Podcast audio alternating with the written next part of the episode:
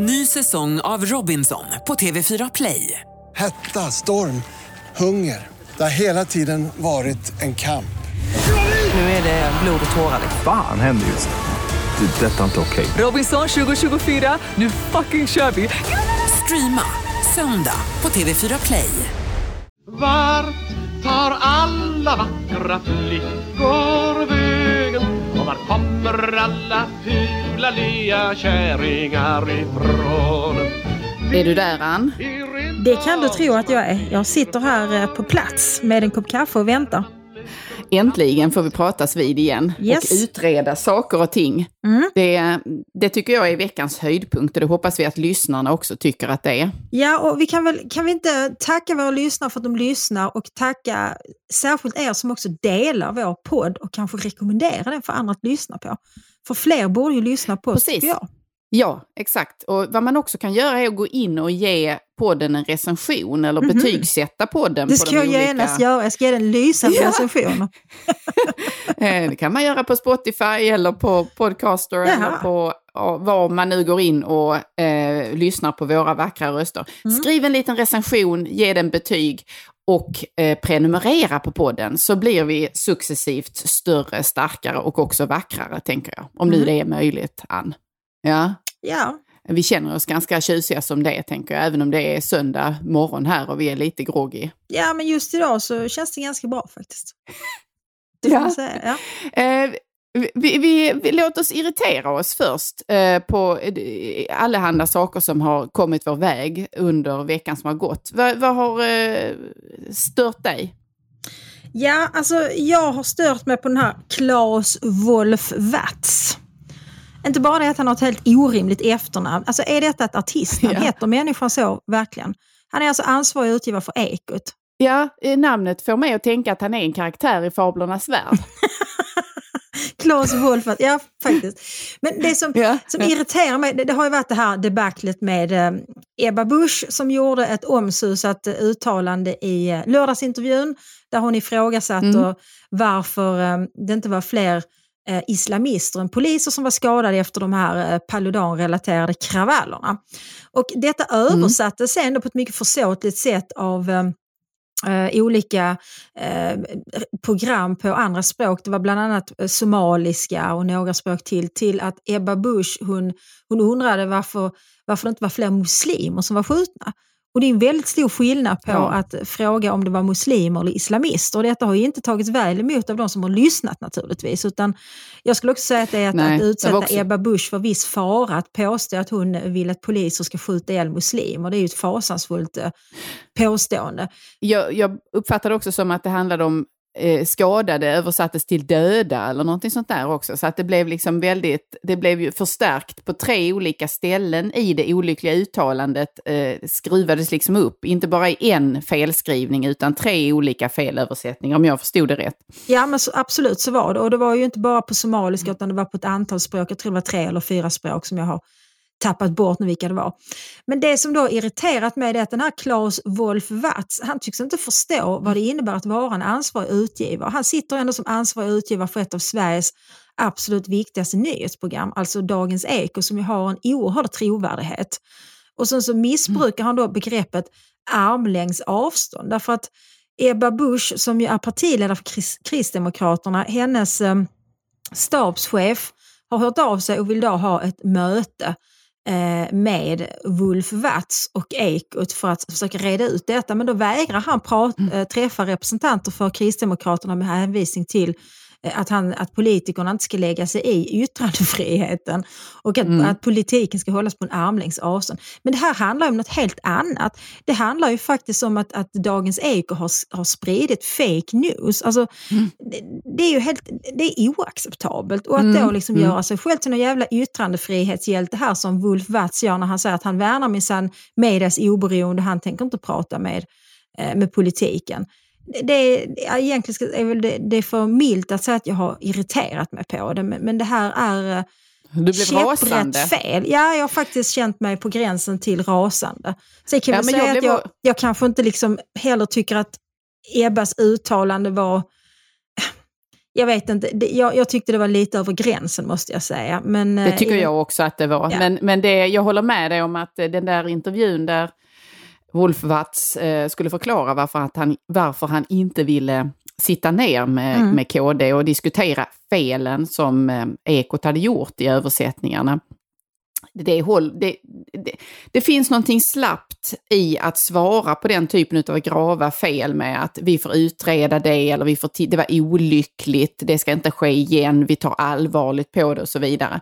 Därför att precis som du är inne på så kan det ju få väldigt starka återverkningar för de personer som ser ut att ha sagt någonting de inte har sagt, även om det de sa från början inte heller var det mest begåvade som man kan tänka sig. Nej, nej, precis. Nej. Och sen då en ytterligare irritation som hänger ihop med detta, det är att den här Mm. Wolf Watz står inte för några motfrågor av den här eh, Mm.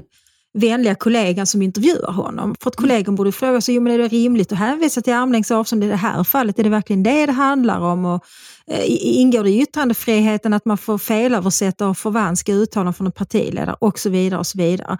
Mm. Och det är en irritation som jag ofta känner, att jag tycker att journalister i svensk media och kan, faktiskt framförallt i public service ofta är tämligen inkompetenta. Oj, det är Ja. starka ord. Ja, det är Ja. starka ord, men, Men- jag står Ja. för det. Jag, jag tycker att det är skandalöst. Och för att avsluta det hela, knyta ihop säcken här med inkompetensen och Wolfats. Hur i helvete kan man vara ansvarig utgivare för program som publiceras på språk som man inte själv behärskar? Det är som att sätta mig som Precis. ansvarig utgivare för en publikation som ges ut på kinesiska. Hur kan jag, ska jag kunna Mm. gå i god för vad som då publiceras i den tidningen? Det är ju vansinnigt. Så nu har jag irriterat Ja, men, mig eh, klart. Ja, ja, men eh, jag, jag kan bara hänga med i den sista irritationsvurpan där som du gjorde, därför att just det är ju knäckfrågan här, att den som slutgranskar innan publicering måste ju rimligen också ha en språkfärdighet Mm. och en förtrogenhet med det språket, annars, har, annars så är, finns det ju så att säga inget ansvar i den handlingen att faktiskt lägga ut och publicera det. Exakt. Eh, så det tycker jag gott att han kan få, eh, han kan få skämmas för den delen ytterligare där i, i fablernas värld. Mm. Klaus i Mm. Fablernas värld, skicka honom på lite språkkurser. Ja. ja. Eh, jag, jag tänker irritera mig på, eller lyfta en irritation som gäller det, vi är kvar i, i politiksfären nu Mm. och i hur framförallt politiker svarar på frågor. Mm. Vi ser ju många intervjuer nu när politiker avkrävs, avkrävs ställningstagande i exempelvis NATO-frågan och det är flera andra liknande stora frågor som nu måste, man måste bekänna färg i. Och då säger ofta politiker så här, ja, jag eh, har vägt för och emot, bla bla bla och så vidare. Och då, eh, nu har jag landat i att X är rätt. Eller att Y är fel. Mm. Och det där landat i, det söker mig varje gång jag hör det. För jag, undrar liksom, vad är det du egentligen vill säga här? De vill säga, jag har kommit fram till att det här är rätt. Eller det här är, det här är den rätta vägen. Varför kan man inte säga det då istället? Istället för att landa. Är det så att de har varit ute och flygit kanske? Och så tittar de ut över terrängen. Var är det bra att landa här? Det är där borta. Då, då, nu, och sen så lägger de till, jag känner mig trygg i att jag har landat i det här ställningstagandet. Ja. Vilket med andra ord egentligen bara betyder, jag är helt säker på att jag har rätt i den här ställningstagandet som jag nu har tagit. och kanske man kan säga det istället då, för att säga att man landar någonstans. Ja. Stör inte du dig på den här landning, ständiga landningsoperationen Jo, som svenska Anna-Karin. politiker gör? Jag vet inte om du är medveten om det, men jag jobbar ju som presschef för Alliansstyret Region Skåne. Har Så du jag- landat i det? Ja, jag har landat i att det är det jag gör. Eh, Jag umgås väldigt mycket med politiker. Mm. när jag började arbeta med politik i Region Skåne så var jag förbluffad. Eh, därför att de, de sa ord som jag visste vad de betydde, men de använde på ett helt nytt sätt. Det finns ett speciellt liksom, politikerspråk. Jag Mm. har faktiskt i min dator en fil som heter politikerprat. Därför de Ja. första veckorna jag jobbade med det här så var jag liksom så både förbluffad och lite full i skratt över alla möjliga olika sätt att säga typ, jag hör vad du säger men jag kan inte ta ställning till detta nu. Därför att Politiker vill ju vara tillmötesgående. De träffar en massa människor, de pratar med journalister och alla som de träffar vill ha pengar till ett eller annat om man är ute på något sjukhus och något. Och massa journalister vill ha svar på olika saker. Politiker har ju lärt sig att på något vis vara väldigt, eh, vad ska vi säga, undanglidande där. Så de kan säga nja på hundra olika sätt. Och sen så har de också speciella Mm. uttryck som jag tror Alltså just det här jävla landandet, man säger inte så i andra branscher. Och några, jag kan ge dig några exempel Nej. på lite andra sådana här uttryck som jag har noterat i mitt Ja. umgänge med politiken. Du, vi tar hållplatser den frågan nu. Det betyder helt enkelt att Åh. vi kan inte bestämma detta idag, vi får ta det längre fram. Så vi hållplatsar den. Sen säger man Nej. så, okej, tar du den bollen Anna-Karin? Det betyder helt enkelt, Ja. kan du göra den grejen Anna-Karin? Sen så, okej, Mm. vi får ta och lyfta den frågan, säger man. Ja. Och så säger det, man- det har ju fortplantat sig. Ja. Ja, det är mycket sånt. Och sen så, så, så när man då pratar med kanske en, en väljare som är arg för att eh, han har fått vänta flera veckor på en tid på sin vårdcentral eller vad man ska säga. Så säger man så, du, alltså, jag hör vad du säger, jag tar med mig den, jag tar med mig den frågan hem. Och det betyder inte ett skit att man, Mm. man tar med sig den frågan hem. Men man kan inte heller säga till Nej. den här arga väljaren liksom så att okej jag löser det, du får, fan en, du får en tid på vårdcentralen imorgon. Det kan man inte säga för det kan man inte göra som politiker. Och man kan inte heller säga det var ju ett jävla gnäll. Det kan man inte, utan man måste vara vänlig. Så säger man så, jag, jag tar med mig den frågan, jag, jag, jag, jag hör vad du säger. Eh, och sen Ja, så, så ska man också sätta ner foten hela tiden. Det är jävla många fötter som ska Ja. sättas ner. Nu sätter vi ner foten. Ja. Men där gjorde Magdalena Ja, Andersson förresten Men ja, en är ju- konstig grej. När hon häromveckan Ja. sa hon ska sätta ner foten på. Det gör man väl inte? Man sätter väl bara ner den? Jag ska sätta ner foten på Sanna Marin. På NATO-frågan skulle du sätta ner foten. Ja, på Och Ulf Kristersson, han, han totalt liksom missförstod eh, ett begrepp. Han sa att, att ja, det här ställer ju frågan om NATO på högkant.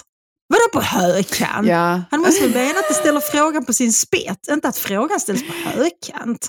Nej, men det, alltså man kan väl sammanfatta här att de språkliga färdigheterna hos våra politiker lämnar en del övrigt att önska.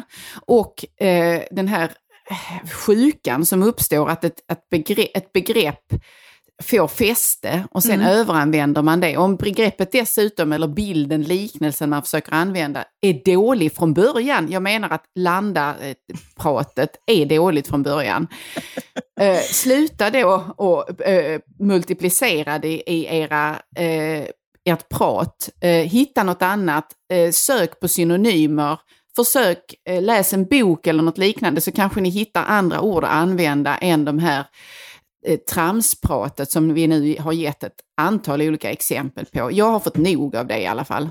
Ja, Landa ja, inte i jag min biter trädgård. Ihop, jag biter Nej. ihop. Ja. Jag måste bara lyfta ett ord till när du säger landa, för ett annat sånt ord som ofta används är, nej men vi gör en inflygning där. Ja. Vi gör en Inflygning. sen sätter vi ner foten och så tar du den bollen.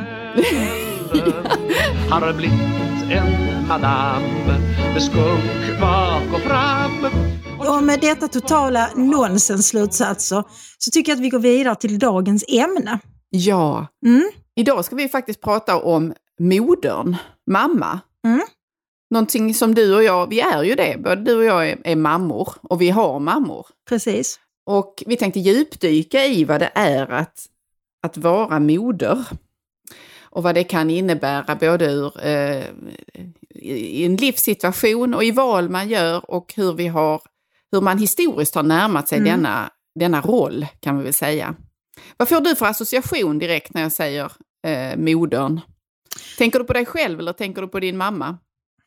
Nej, jag tänker nog faktiskt mest på mitt eget moderskap, måste jag säga. Men alltså, Mm. mo, mo, moderskapet eller modern är ju intressant därför att alla människor har ju en relation till modern, moderskapet eftersom vi ju alla faktiskt har en moder och även om vi inte har en, en mamma i livet längre eller om vi kanske till och med har växt upp utan en mamma så är det ju ändå så att vi har en relation till begreppet. Därför om vi till äventyrs har växt upp utan en mamma så har vi ändå en saknad efter den här, liksom, för, att, för att modern är ju inte bara liksom en fysisk konkret figur utan modern är ju också en, alltså det, det är ju liksom en, en arketyp i någon mening. Det, det är en, en, en figur som är omgärdad av väldigt många olika föreställningar och förväntningar och förhoppningar, normer och så vidare. Ehm, Mm. så, jag Och tycker ständigt aktuell, kan Ja, man väl säga. ständigt Ständigt aktuell. aktuell. Det pågår ju faktiskt ett, ett antal, eh, och om vi ska anknyta till politiken lite igen här och inte minst till Ebba. Ja. Så hon blev ju portad från den här Elgalan som alla känner till eh, på grund av detta uttalande som sen då eh, felöversattes. Då skrev Lena Melin, eh, den här eh, politiska krönikören i Aftonbladet, det. en helt absurd Ja. text som gick ut på att Ebba Busch är ju ensamstående tvåbarnsmamma, så vad ska hon rena på galor för? Hon borde väl vara hemma istället. Ja. och det är ju, Det, och det där är ju, det är ju inte första gången som eh, just eh, kvinnliga politiker, särskilt eh, Ebba Busch faktiskt, råkar ut för den typen Mm. utav eh, oerhört unkna värderingar kopplade till vad man kan göra som kvinna eller, eller mamma. Hur man får se ut och hur man får fördela sin tid och framförallt den här eh, som, som aldrig tycks tappa kraft, bilden av att om man gör någonting annat eh, än att vara med sina barn precis hela tiden så betyder det per automatik att man inte älskar sina barn över allt annat, utan då har man gjort felaktiga prioriteringar. Och man tänkte väl ändå att vi har kommit lite längre än att den typen av smockor eller, eller förolämpningar ska kastas i, i facet på verksamma politiker. Men Ja. där dök den upp igen. Där dök den upp igen och samtidigt, vilket är intressant, så pågår ju en annan debatt där jag tycker att vi kanske kommit lite för långt om man säger så. Och den här debatten tror jag faktiskt har sitt ursprung i en eh, ganska nyutkommen roman av Olga Ravn som är eh, danska. Och hon har skrivit en roman som heter Mitt arbete. Och det, är, det är en roman som kretsar kring en förlossningsdepression och det är en förvandling liksom som en kvinna genomgår som då den här huvudpersonen ogillar och så vidare. Och den har då blivit väldigt omdiskuterad på kultursidor, framförallt av kvinnliga kulturskribenter. Och i kölvattnet av detta så har då ett antal kvinnor då bekänt att de ångrar att de har blivit föräldrar. De ångrar alltså sitt moderskap så de önskar att de aldrig hade skaffat barn. Detta fick då Åsa Bäckman eh, på DNs kultursida tända till. Eh, och hon menade liksom att det kan väl mycket väl vara så att eh, det finns en hel del unkna normer och värderingar, ungefär som de som vi precis pratade om här nu, som omgärdar Ja. moderskapet. Men man, man, man, man passerar alla gränser om man sitter och säger i en tv-soffa eller sk- skriver i en text som publiceras offentligt att man ångrar barn som faktiskt existerar. Hon tycker att man som Ja. som eh, i det här fallet moder, men jag antar att hon tänker samma om faderskapet. Man har inte rätt att göra det och där, jag måste säga att jag är 100% enig med Åsa Bäckman. Jag förstår inte hur man kan göra så med sina barn. Så där tycker jag att vi kanske har gått Nej. lite för långt, om du förstår hur jag menar. Precis. Ja, jo, men, och jag eh, delar den bilden. Där håller jag också med Åsa Bäckman. Det är inte jätteofta jag gör det. Men, eh, Men just i det här fallet tycker jag hennes... Mm. Just idag är en sån dag. Mm. Eh, och jag, jag tolkar ju eh, de här bekännelserna, eller bikten nästan, som det handlar om då. Att man biktar att man ångrar något man inte får lov att ångra. Det finns något märkligt i detta att vi i vår tid måste ventilera den typen, alltså vända ut och in på Mm. oss själva och på den typen av innersta tankar. Så jag menar, det är väl, det är väl så här att alla människor har i olika faser av livet eller i stunder, det kan vara korta, korta stunder, kanske bara skuggan av en minut, så kan en känsla av att man ångrar något man har gjort eller en, ett livsval eller något liknande. Man kan drabbas av den typen av varför gjorde jag det här? Eller kanske hade det varit bättre om jag och så vidare. Men det betyder ju inte att bara att den känslan far över dig, genomkorsar din kropp eller ditt, ditt sinne, så är det ju inte någonting du måste tvunget berätta om. Det betyder heller inte att när du har begrundat den här känslan så är det den tanken, känslan som är kvar. Utan istället så går du vidare och kommer fram till att ja, men allt det här andra, glada, positiva, kärleken, allt det där fanns ju också. Förstår du hur jag menar? Att det, det, det är någonting märkligt i att ta fäste, fästa all kraft på någonting som kanske bara är en, en känsla som, som far över dig. Ja absolut, jag håller helt med dig och jag håller också med dig i din analys av samtiden, att det finns ett nästan liksom tvångsmässigt behov av att, av att vädra alla de här känslorna som kan fara över en då och då och som kanske inte är så vackra. Och att det också känns, eller att det finns ett tvångsmässigt krav på omgivningen att acceptera alla mina fula och låga tankar och känslor. Alltså, En del saker kan man Ja. ju nog med fördel behålla för sig själv. Men jag tänker också att, att i just det här fallet så handlar det om att har du satt barn till världen så har du ett ansvar för dem. Du har ett ansvar för deras välbefinnande. Och jag kan inte se att det främjar dina barns välbefinnande att du sitter i en tv-soffa hos Malou eller vem det nu var, eller skriver en debattartikel i Dagens Nyheter att du ångrar att du skaffar barn. Hur fan känns det för ett barn Nej. att läsa det? Jag tycker det är otäckt. Precis, jag, som, som jag förstår det så är den här kvinnan som talade med Malou om att hon ångrade sitt föräldraskap och som också använde en formulering om att hon blev väldigt duktig på att spela teater, hon blev en skicklig skådespelare. Alltså, för jag tror hon fick en fråga om om hennes barn hade märkt detta, eh, varpå resonemanget gick ungefär så här att nej, eftersom hon blev en så skicklig skådespelare, vilket ju ger intryck av att eh, dagligen och stundligen har denna känsla av att jag ångrar det funnits i henne och påverkat hur hon betraktat barnen eller sett på dem och så vidare.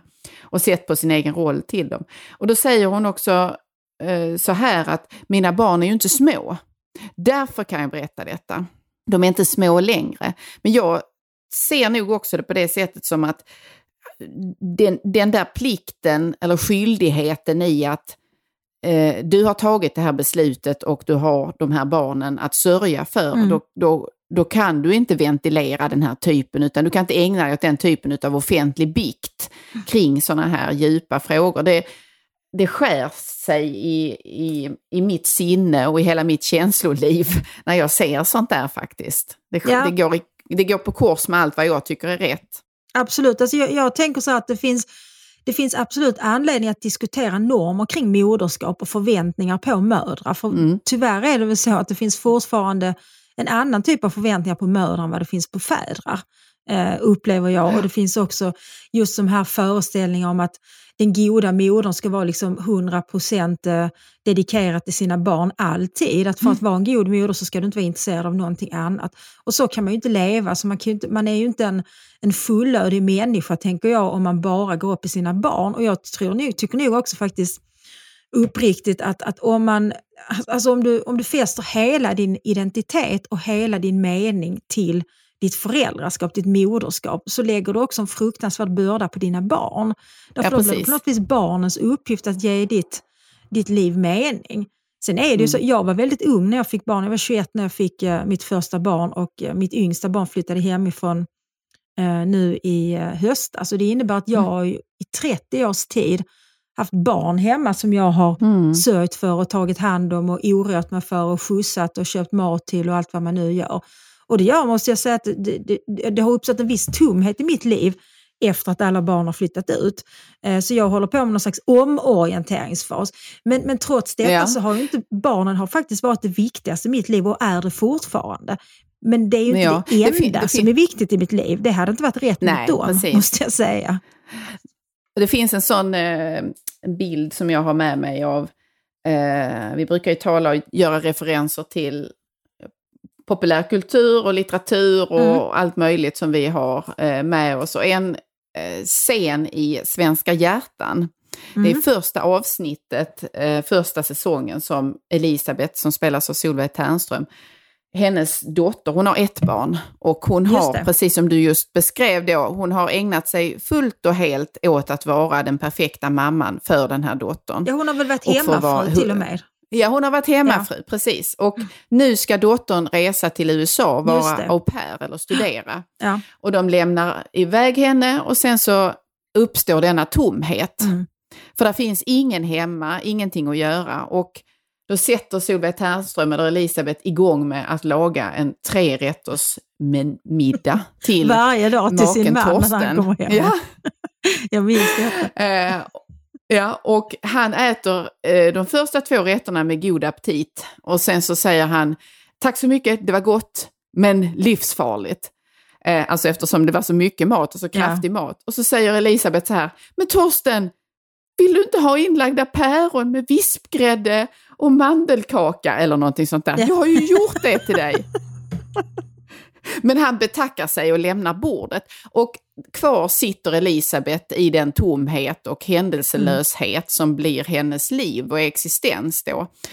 Eh, och det tycker jag Karin Mannheimer skildrar på ett inkännandevis. Mm. Alltså man känner ju med henne i detta. Hon har gjort allt, hon har offrat så mycket av kärlek. Mm. Men nu finns ingenting, vilket ju är en, en, en berättelse om att det är inte är så klok sak att göra det där totala to, alltså att, att eh, viga all tid åt någonting som ändå försvinner eh, efter några år. För så är det Nej. ju, barn försvinner ju vidare i livet. Ja, och det är ju också meningen. Alltså den uppgift Ja. man har som förälder det är ju att göra barnen liksom redo att, att ta itu med sina vuxenliv. Jag menar, då har man, man är ju inte färdig med sitt uppdrag för, för att förälder är man ju livet ut så att säga. Men jag menar det precis. akuta behovet av att se till att de eh, kommer i tid till skolan och får mat i magen, har rena kläder och så vidare. Det ska man, man ska ju lära dem att ta hand om de sakerna själv. Samtidigt så är det så, jag pratade faktiskt med min mamma om det för någon vecka sedan och hon sa att hon, ja, men hon tänker så, hon är nu i 70-årsåldern, så att men det, liksom, det, det riktiga livet, det viktiga livet, det var ändå, det var ändå när ni var små. Ja, både du och din ja. bror bodde hemma. Mm. Eh, och så kan Mm. jag faktiskt också känna. Ja, Ehm, och det tycker jag är lite sorgligt därför att jag är nu, jag fyller 52 om eh, några veckor. Och jag har ju ändå antagligen några decennier kvar att leva och jag, jag, kan inte, jag kan inte ägna resten av livet att gå och vara nostalgisk. Och då är jag ju ändå en människa som har varit ytterst yrkesverksam under, under hela, eh, Mm. ända sedan jag var väldigt ung. Jag har ju alltid jobbat och skrivit och, och så vidare. Mm. Eh, Men ändå så kan jag känna den här oerhörda saknaden och tomheten och bli lite avundsjuk. Ja, men när jag pratar med dig ibland, som du har ju barn hemma fortfarande, Mm. och ibland är det så, nej men jag, nu, nu ska jag skjutsa hit och jag ska dit och jag ska hämta och sen är det föräldramöte. Alltså, alla de där Mm. sakerna tyckte jag var ofta ganska betungande när barnen bodde hemma. Jag hade ju tre barn som, som, Mm. eh, jag, ja, som bodde hemma Mm. naturligtvis. Och jag, jag längtade väldigt mycket efter den där egentiden när jag skulle kunna egentligen få sätta mig och skriva och så vidare. Och den lyckades jag ju få hela tiden också. Nu har jag ju jättemycket egentid. Ja. Och då blir det nästan lite svårt ibland att fylla den tiden med innehåll eftersom jag har varit i 30 års tid så upptagen av att ta hand om andra människor. Men jag är väldigt Jo. glad över att jag parallellt med detta också har haft en yrkeskarriär, för annars hade jag ju suttit som stackars Elisabeth. Ja, precis. Med eh, inlagda päron och vispgrädde. Ny säsong av Robinson på TV4 Play. Hetta, storm, hunger. Det har hela tiden varit en kamp. Nu är det blod och tårar. Fan händer just nu. Det. är Detta är inte okej. Robinson 2024, nu fucking kör vi! Streama söndag på TV4 Play. Ett poddtips från Podplay. I podden Något Kaiko garanterar östgötarna Brutti och jag, Davva, dig en stor dos skratt. Där följer jag pladask för köttätandet igen. Man är lite som en jävla vampyr. Man har fått lite blodsmak och då måste man ha mer. Udda spaningar, fängslande anekdoter och en och annan arg rant. Jag måste ha mitt kaffe på morgonen för annars är jag ingen trevlig människa. Då är du ingen trevlig människa, punkt. Något Kaiko, hör du på Podplay. Därför är gardinerna. Midjan så smal Så att royal Men med detta så, så kan vi väl göra en brygga till en annan diskussion som också så pågår om moderskapet. Och det är liksom någon slags, jag ska säga, ett, ett, ett antal yngre kvinnor som på ett rätt så essentialistiskt sätt också vad ska vi säga, upphöjer moderskapet till det enda som ger mening och det som, som egentligen är, är kvinnans uppgift. Eh, Jag tänker, det, började väl med någon, eh, det var Greta Thurfjell i Dagens Nyheter som för ett par år sedan nu skrev en text som handlar om huskvinnan och hon kanske inte skrev explicit om moderskapet men det handlade ändå om det här liksom att, att vara hemmafru och ta hand om ett hem, liksom att det är en viktig sak och så vidare. Och nu så eh, har den här, vad heter hon, eh, som var med i något, någon podd, Anna Björklund tror jag hon heter, Mm. hon har kommit med en bok där hon också då, hon har då rätt så många barn verkar det som. Ehm, och, och detta liksom är det, som jag har förstått recensionerna så är det så att hon beskriver sig själv som en, en ganska vilsen tonåring och ung kvinna som försökte leva upp till olika mer eller mindre orimliga ideal. Men när hon fick sitt första barn så föll det på plats att det är det här jag ska göra. Och jag kan bli lite bekymrad över att över att de föreställningarna odlas av unga kvinnor idag. Nämligen att det är moderskapet som är det som ger kvinnan mening och mål och innehåll i livet. Eh, naturligtvis är det så att, att, att föräldraskapet har varit oerhört viktigt och är viktigt för mig och har gett eh, mening och innehåll. och så, Men det kan ju inte vara det enda. Alltså, ska återigen kvinnan förpassas till, till det privata? Jag känner mig mycket tveksam Men, till det. eh, Vad ja. säger du om den här Ja, ja. essentialiseringen? Jo, nej, men jag, en, en del av kritiken delar jag väl där. Jag, jag tänker på två sätt. Ena, å ena sidan är det ju så här att vi har ju dis- dissekerat normkritiken tidigare i Ja. söndagsskolan och eh, no, vi är ju kritiska mot normkritiken i så måtto att det blir lite på något sätt eh, givet och formaterat och mallat vad man ska vara kritisk mot och vilka normer det är man ifrågasätter och där då den förälder som lägger mer tid på sina barn och kanske inte eh, ägnar sig så mycket åt att, att yrkesarbeta, då är den traditionell, konservativ och så att säga det är den normkritiken riktar sig mot. Och då vet jag att vi sa i det avsnittet att den som verkligen är normkritisk här är ju kanske den som väljer i konflikt med bilden av att man ska jobba, både jobba mycket och ha eh, många barn och vara med barnen. Så i, det, i detta finns det ju ett mått av att man, man eh, bråkar inom citationstecken lite grann med den bilden av jag kan både ha karriären och vara mamma. Man säger, nej men jag struntar i karriären, jag är bara mamma för det är så att säga den stora rollen eller det som ger mitt liv värde. Eh, med det sagt så tycker jag samtidigt att det finns i den här essentialiseringen, så den ligger ju farligt nära att man biologiserar också vad kvinnokroppen är. Det finns någonting i det som gör att det är det biologiska moderskapet då, eller föräldraskapet som är det det tunga, det sanna och det som är eh, det, det, en, det verkligt äkta moderskapet, är kanske det bästa ordet då. Eh, och det köper jag ju inte, därför att i dess förlängning finns ju också idéer om att kvinnans kropp då, detta att vi menstruerar, alla cykler, allt sånt där, detta, det, detta definierar och begränsar eller möjliggör också vad vi bör eller inte bör ägna oss åt. Exempel är ju då att eh, vi ser arbetsplatser, ofta kvinnodominerade då, som plötsligt börjar tala om att det är viktigt att ha koll på de anställdas eh, menscykler och när man har PMS och liknande. Och här har vi alltså nu i eh, ett eh, århundrade klarat av, snart, snart ett århundrade, klarat av att ha kvinnor i arbetsmarknaden. Kvinnor har erövrat position efter position, arbetsfält efter arbetsfält. Och så att säga renats från att vara sin kropp. Och vad denna kropp är, har möjlighet till, eh, på gott och ont då. Och nu är vi tillbaka i någon slags att det är biologin som definierar vad vi kan eller bör eller ska. Och det oroar mig verkligen.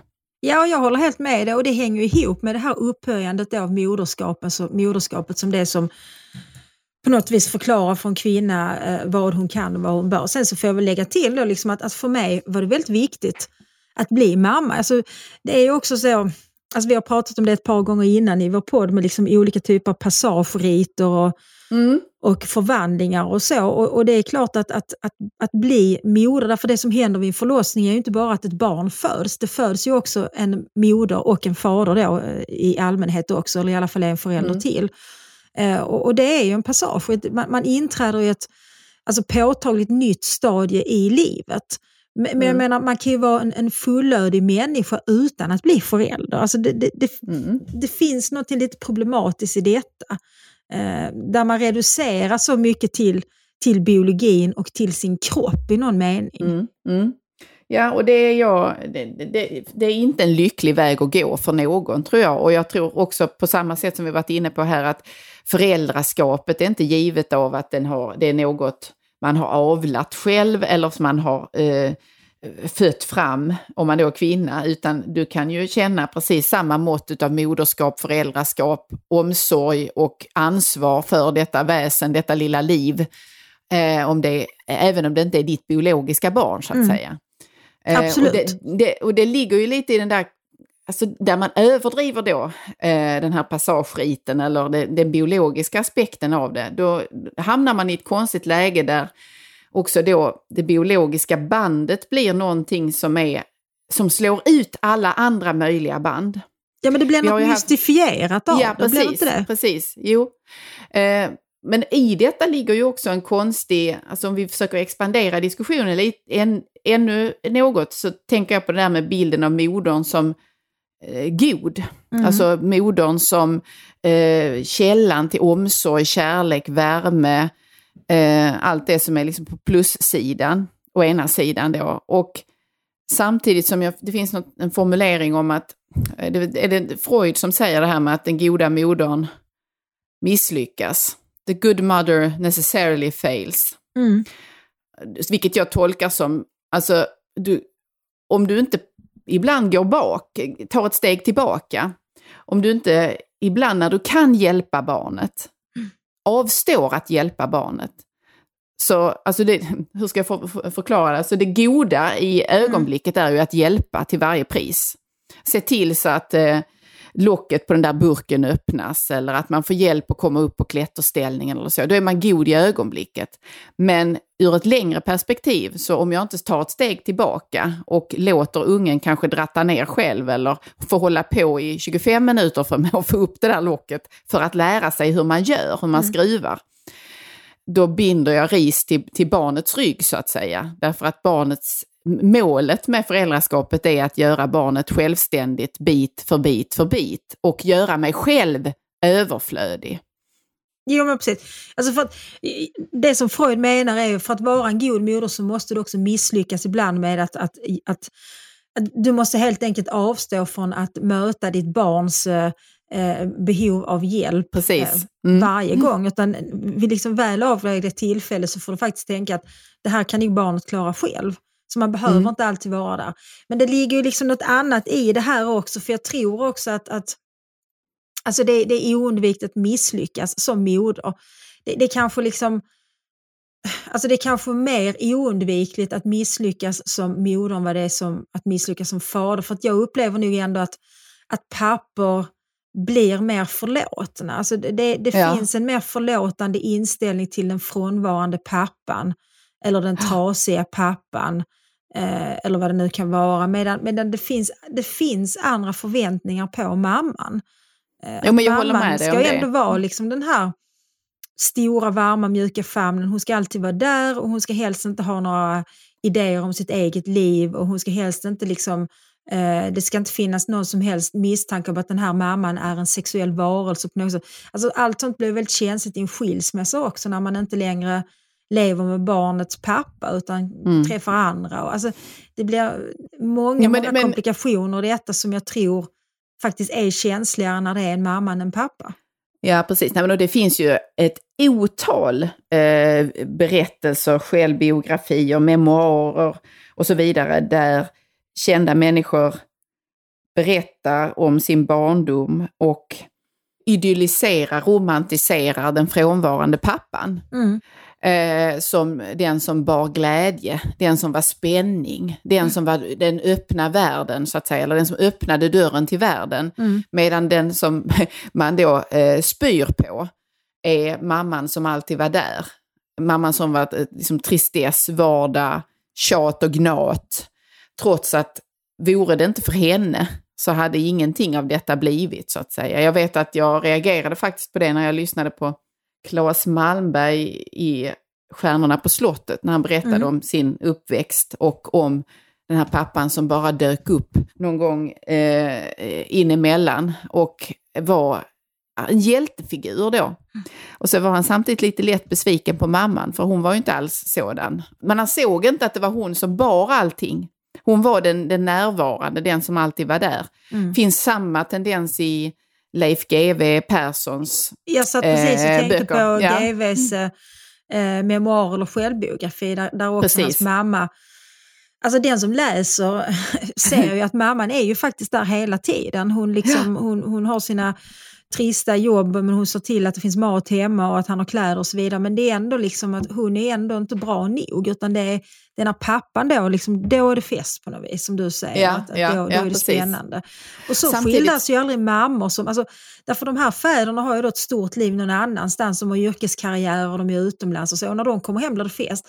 Men en mamma som är på samma sätt, som har en, en karriär eller som reser mycket i jobbet, hon är bara en jävla svikare. Hon är inte en hjältinna när hon kommer hem med presenter. Mm. Nej, precis. Det som inte Leif GW heller riktigt förmår att se när han skriver detta, det är ju att om det är någon han liknar så är det ju sin mamma. Alltså då menar jag i de förmågor och egenskaper och sätt att förhålla sig till världen som han beskriver henne, på det sätt han beskriver henne då. Hon är ju liksom, eh, ja det finns flera delar i henne som sen återspeglas i hur han blir. Men det, det, det är man då oförmögen att se, utan man ser bara sin likhet med den här eh, eh, föreställda hjälten istället. Har blivit en madame med skunk bak och fram Det finns ju som du säger oerhört många skildringar av dåliga mödrar. Alltså det finns den elaka mamman, den frånvarande, den psykiskt sjuka mamman eh, och så vidare. Men jag tänker, eh, de hade en väldigt fin utställning på Louisiana förra sommaren som handlade Ja. just, den hette eh, Mamma eller Modern. Något sånt. Och det var då en utställning om moderskap och olika typer av moderskap, olika bilder av moderskap. Och jag, jag minns särskilt Tracy Moffats bilder som heter Scared for Life som är då en, en bildserie fotografier, svartvita fotografier eh, ur barnets perspektiv där mamman alltid Ja. är på väg någon annanstans och så vidare. Så tänker jag att det här är ju inte en mamma som som vill skada sina barn. Alltså det är inte en mamma som är grym eller som är våldsam utan det, det är en mamma som är trött. Det är en mamma som är Mm. tanklös. Det är en mamma som är självupptagen. Så jag tror liksom att, att det som våra barn så småningom anklagar oss för och det som vi eventuellt anklagar våra mödrar för, det är ju mycket sällan alltså skador som har uppkommit uppsåtligen så att säga. Utan det, det handlar om att man inte har förmått att vara fullt ut närvarande hela tiden. Och det är ju någonting med moderskapet som är också utmattande. Eh, oavsett liksom att man faktiskt älskar sina barn och skulle göra precis vad som helst för dem så är det ju så att i, i, i, då och då så är det ju utmattande. Eh, och man kanske inte Mm, orkar absolut. vara där 100% så mycket som man vill. Det tänker jag mycket Nej, på nej, nu när, då- när den tiden är över. Att jag tänker, Mm. liksom i retrospektiv så är ju den tiden som verkar så oändligt lång, den är ju väldigt kort egentligen. Ja, precis. Alltså när jag ser Ja. tillbaka på mitt liv så småningom så kommer ju den tiden där jag var enormt upptagen med både små barn och att skriva en doktorsavhandling och försöka skriva andra böcker och så vidare. Det var ju inte så många år det handlade om, men när man är i det så känns det som Mm. om det aldrig ska ta slut. Man tänker jag kommer aldrig mer att få sova en hel natt. Jag kommer aldrig få sova ut på morgnarna. Jag är alltid tvungen att, stressa för att hinna till förskolan i tid och så. Men jag vill säga det till alla er kvinnor som fortfarande är i det, att det tar slut eh, och du kommer faktiskt att sakna det.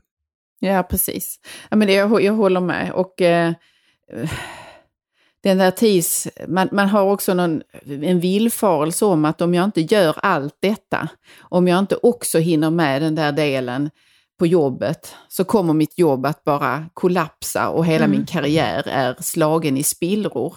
Eller den, den är tillfogad irreparabla eh, skador då. Så är det ju inte, utan det är precis som du säger att det är så kort tid det handlar om. Det är liksom var en månad hit, en månad dit tycker man då är väldigt, väldigt mycket när man har små barn. Ska jag vara hemma en hel månad till med föräldraledighet och vara från jobbet och sånt där? Det, var det, för att det är inte lång tid. Och du har, precis som du säger, ett enormt yrkesliv, framf- långt yrkesliv kvar sen att göra en massa saker. Då kommer det här att kännas som en, det är en krusning bara. Så var hellre hemma Ja, då, faktiskt så- måste jag säga. Mm. Jo, men jag, jag håller med dig, men jag tror att det skulle liksom, det måste nästan till en attitydförändring i, framförallt i Sverige. För Därför att det som jag upplever väldigt starkt är att, att man är som mest intressant när man är mellan 30 och 40. Alltså rent i yrkeslivet, i alla fall om man jobbar med det som du och jag arbetar med. Det är möjligt att det är på ett annat sätt om man är jurist eller jobbar på en bank eller någonting. Men, men då är fokus väldigt mycket på det där decenniet mellan 30 och 40 när man pikar på något vis eller förväntas pika. Och det är ju samtidigt då som väldigt många faktiskt har små barn. Nu tycker jag, liksom, jag har inga små barn nu, jag behöver aldrig vabba och jag behöver liksom inte eh, hämta och lämna. Så, men samtidigt så är jag allt mindre intressant på arbetsmarknaden för jag betraktas som gammal redan trots att jag bara är lite över 50. Och det tycker jag, det finns någonting i detta som, som är ganska beklämmande på något vis. att att du har de ganska få åren där du förväntas göra allting samtidigt. Alltså du ska skaffa hus och du ska, du ska liksom eh, föröka dig och ta hand om dina barn, fostra dem och samtidigt ska du avsluta din utbildning och klättra uppåt i ditt yrke, vad du nu väljer och vara överallt och göra allting.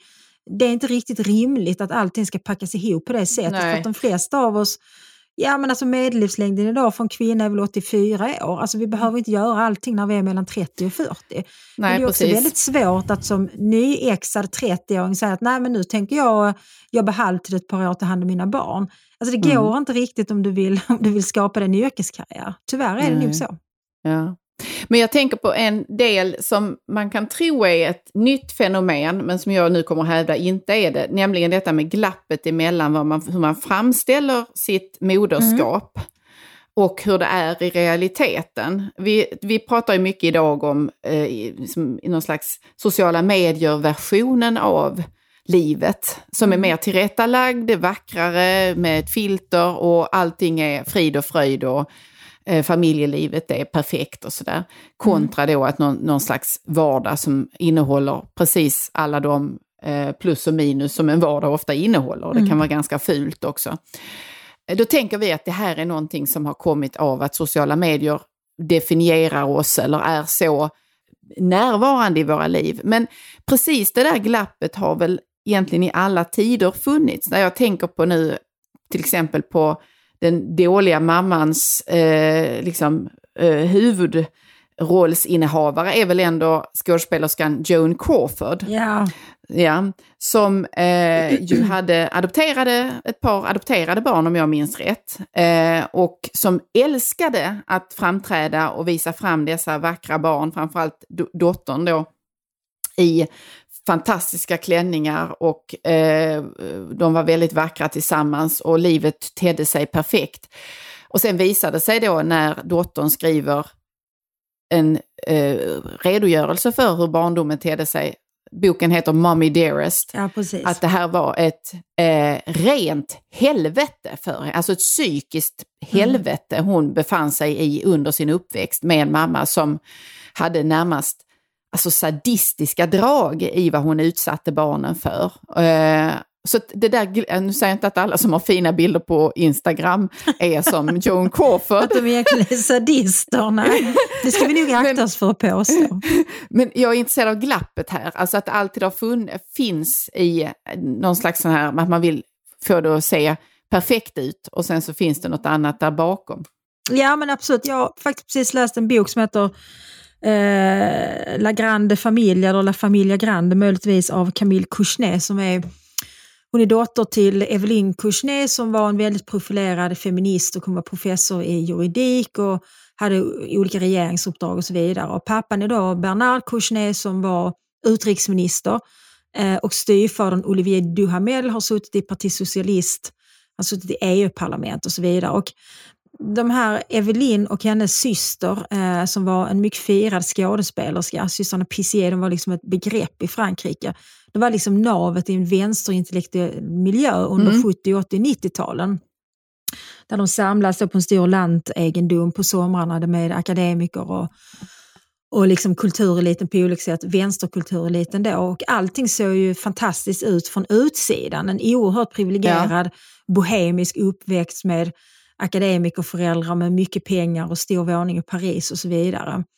Eh, Men sen så kom då Camille Kouchner eh, med den här boken i höst. Alltså hon är då född 1976 och hon är inte så mycket yngre Lika än jag. gammal så som jag. Ja, pre- precis. Det är hon ju. Hon- Det är en uppväxt Mm, under mm. 70, 80, 90-tal. Och det visade sig när, i den här självbiografiska boken att, att dels att styvpappan Olivier då, som har suttit som varit EU-parlamentariker bland annat och varit en väldigt hyllad vänsterintellektuell figur i den franska offentligheten. Han, han utnyttjade eh, Camilles tvillingbror Victor eh, sexuellt från det att han var tonåring under ganska många år, Mm. ända tills Victor flyttade hemifrån. Och hon beskriver då också interiörer från de här sommarsamlingarna på Sarany som det heter, med, som indränkta i, i vin och väldigt mycket, liksom, det var liksom någon slags plikt att vara naken. Och hon beskriver hur, hur mamma frågade henne när hon var, när hon var 12 år gammal, liksom, "Va- vad väntar du på? Knullande är ju den enda frihet vi har. Alltså, Mm. det var liksom väldigt liberalt på olika sätt. Eh, och det är också så intressant därför att det här var ju en, en, en uppfostran i någon slags frihet. Det fanns ett tydligt krav från föräldrarna och det var att de skulle ha toppbetyg i skolan. I övrigt så, så fanns det nästan en tvångsmässig idé om att barnen skulle vara fria och föräldrarna krävde av barnen att barnen skulle respektera föräldrarnas frihet. När, när eh, Camilles föräldrar skilde sig när hon var sex år gammal och hon var ledsen över det så sa mamman Quelle parodi! Jag har idioter till barn, det är min frihet att skilja mig. Mm. Och det där tycker jag är så intressant. Med, Ja, det är det. det är liksom lite samma sak som de här människorna som nu sitter i tv-soffor och begråter att de skaffade barn. Alltså man kan inte vara så egoistisk när man har barn. Samtidigt som jag tror Nej. att, att det som Camille Kouchner nu anklagar framförallt sin mamma för, det är egentligen inte ett utslag av ondska från mamman utan snarare en, liksom en, en fasansfull egoism och självupptagenhet som gör att Ja, hon precis. egentligen aldrig har sett sina barn. Hon har inte förmått se att barnen är faktiskt människor som har egna behov och som jag har ett visst ansvar för att värna om. Ja. Utan i den här familjens liv så var friheten och eh, idén att det är förbjudet att förbjuda någonting, det var liksom credo. Jag tror ju att moderskap innebär att man också måste sätta gränser på olika sätt faktiskt. Ja, och framförallt, det är, det är ju, även om man, hur man nu fördelar arbetet med i hemmet och utanför hemmet och vad man engagerar sig i och så vidare, så innebär ju att du blir förälder när du blir mamma, att du också sätter någon annan framför dig själv. Sen gör du ju det på ett väldigt påtagligt sätt under de första levnadsåren och fram igenom tonåren och så vidare. Men så, så, så småningom klingar ju det där av naturligtvis, för ditt ansvar är inte lika så att säga, grundläggande, om, allomfattande längre när barnet rör sig ifrån dig. Men det, det är ju den där delen att kunna sätta något annat framför eh, sig själv som den eh, uppväxtskildring du just gav exempel på visar ju på människor som inte i någon del av livet har förmått att göra det, utan där den politiska kampen eller där plak- eh, någon slags plakatdeviser eh, deviser då för vad som är viktigt i livet också så det- är viktigare än annat. Samtidigt som det då kolliderar med helt grundläggande ansvarstagande i relation till små barn. Som ju inte eh, har haft något positivt utav den här så kallade frihetskampen som de har gjort till sin. Men jag, jag tänker också på, alltså det finns någon parallell till Lars von Trier har ju beskrivit sin mamma ganska mycket. Har du Ja, tagit det. del av hans eh, beskrivningar där? Hon verkar vara inte en, en eh, Joan Crawford, men inte heller helt olik om man säger så. Eh, eh, han, han frågade ju henne sent på kvällen när han skulle sova, mamma kommer jag att dö i natt? Eh, var på mamman som hade som credo att alltid tala sanning svarade troligen inte, men jag kan inte garantera att det inte sker.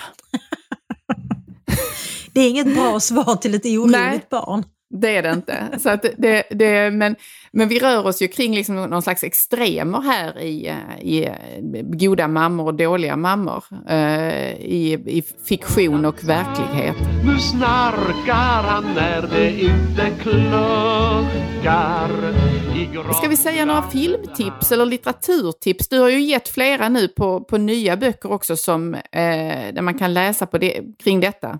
Ja, alltså jag, jag upprepar gärna namnet Camille Kouchner och La Ja. Familia Grande. Jag, jag tyckte den var, den var väldigt intressant barndomsskildring och det var liksom också framförallt alltså en intressant diskussion kring begreppet frihet och frågan eh, som jag, som, som, den fråga som, som jag fortfarande grunnar på efter att ha läst den. Alltså, kan, är det frihet om man tvingar någon att vara fri?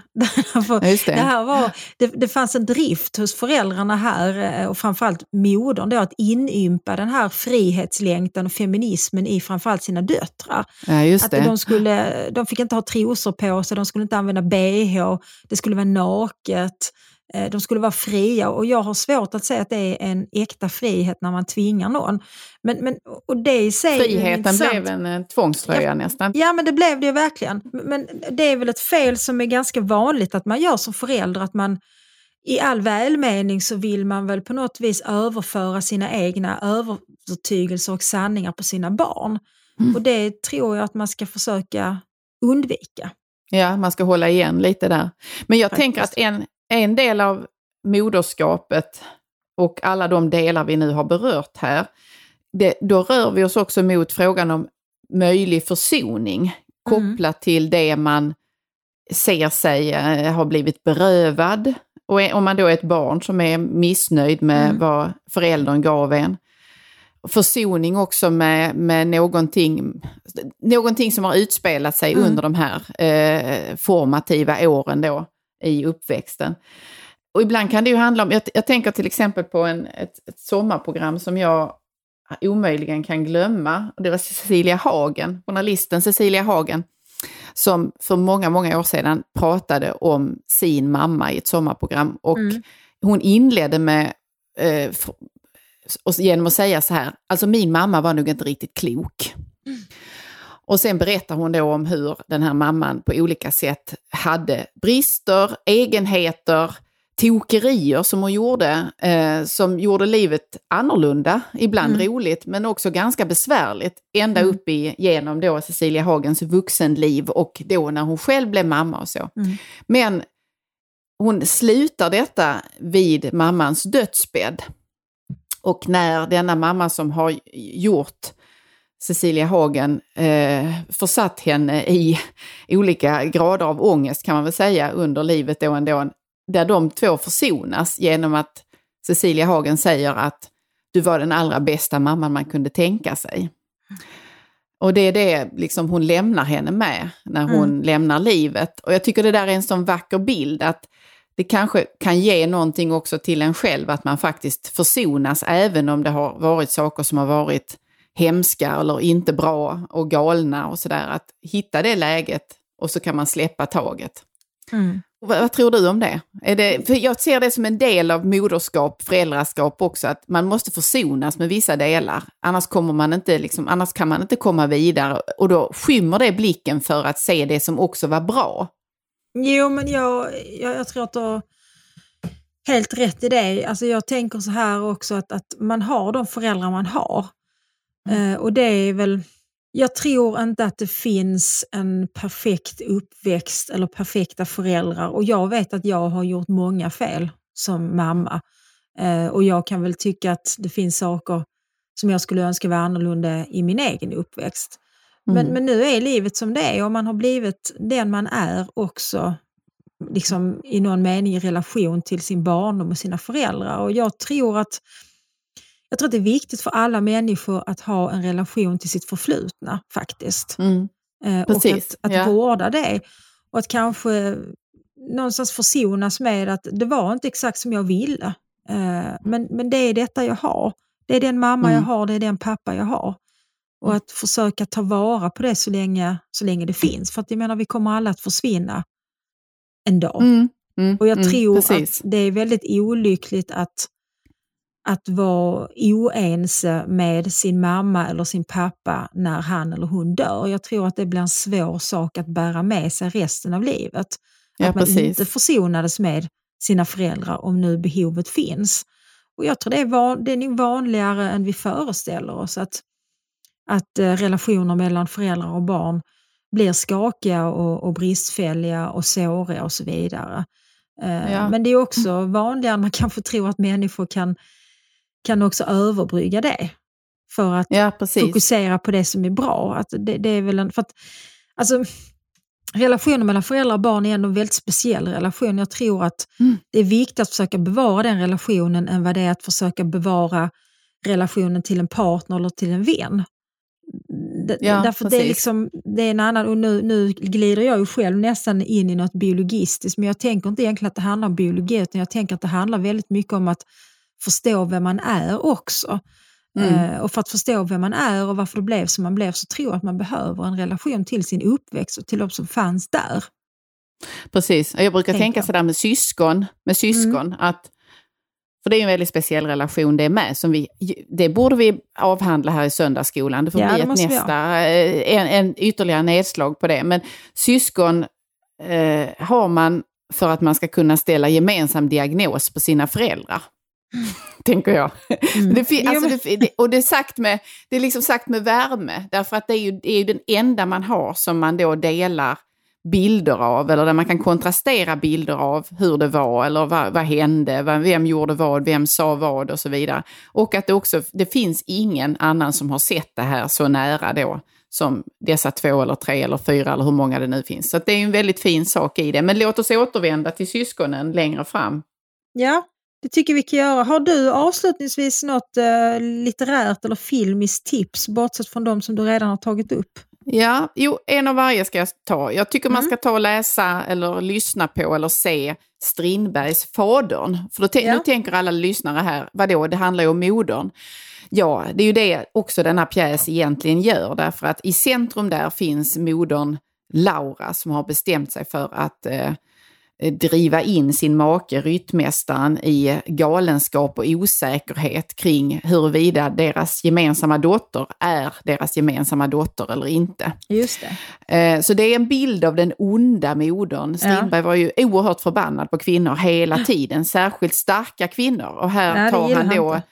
Nej, precis. Eller han, jo, det var ju det han gjorde. Han kunde ju inte låta dem vara. Han blev Men han hela kunde tiden inte kär. hantera dem, så kan vi väl uttrycka det. Precis.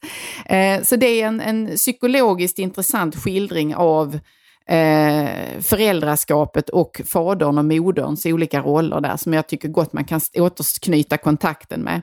Sen något lite mer lättsamt, då tycker jag att eh, filmen Ömhetsbevis från 1982, tror jag den är från, eh, med Shirley MacLaine som den eh, stundtals ganska egoistiska Aurora Greenway i huvudrollen. Eh, det är en av mina absoluta favoritfilmer all times, måste jag säga. Eh, därför att i den skildras en moderskap på olika sätt och i alla de delar skulle jag säga som vi har berört här, när man ibland tänker mer på sig själv Mm. och när man tänker bara på barnen. Och sen vad som händer när det hemskaste som kan hända eh, faktiskt inträffar, nämligen att barnet blir dödligt sjukt. Mm. Alltså det vuxna barnet drabbas av någonting som gör att man inte kommer att klara sig. Och det är då mamman, eh, den åldrade mamman, som får se sitt barn gå in i en, i en eh, ja, närma sig döden helt Mm. enkelt. Den, jag tycker den är väldigt varm och fin den filmen och trots att den då har 40 år på nacken nu så säger den fortfarande om någonting om det mänskliga tillståndet och om de här relationerna som är de, bland de viktigaste i livet. Faktiskt. Kanske den viktigaste i livet. Låt mig ge ett sista tips då. Eh, Sylvia Mm. Plath som ju dessvärre tog, tog sitt liv. Mm. Eh, hon, hon skrev en hel del kring moderskapet eh, och hon var ju Mm. poet. ehm, och i bland annat Ariel, då, diktsamlingen som gavs ut efter hennes död, så skriver hon så här om förlossningen. Kärleken drog igång dig som en fet guldklocka.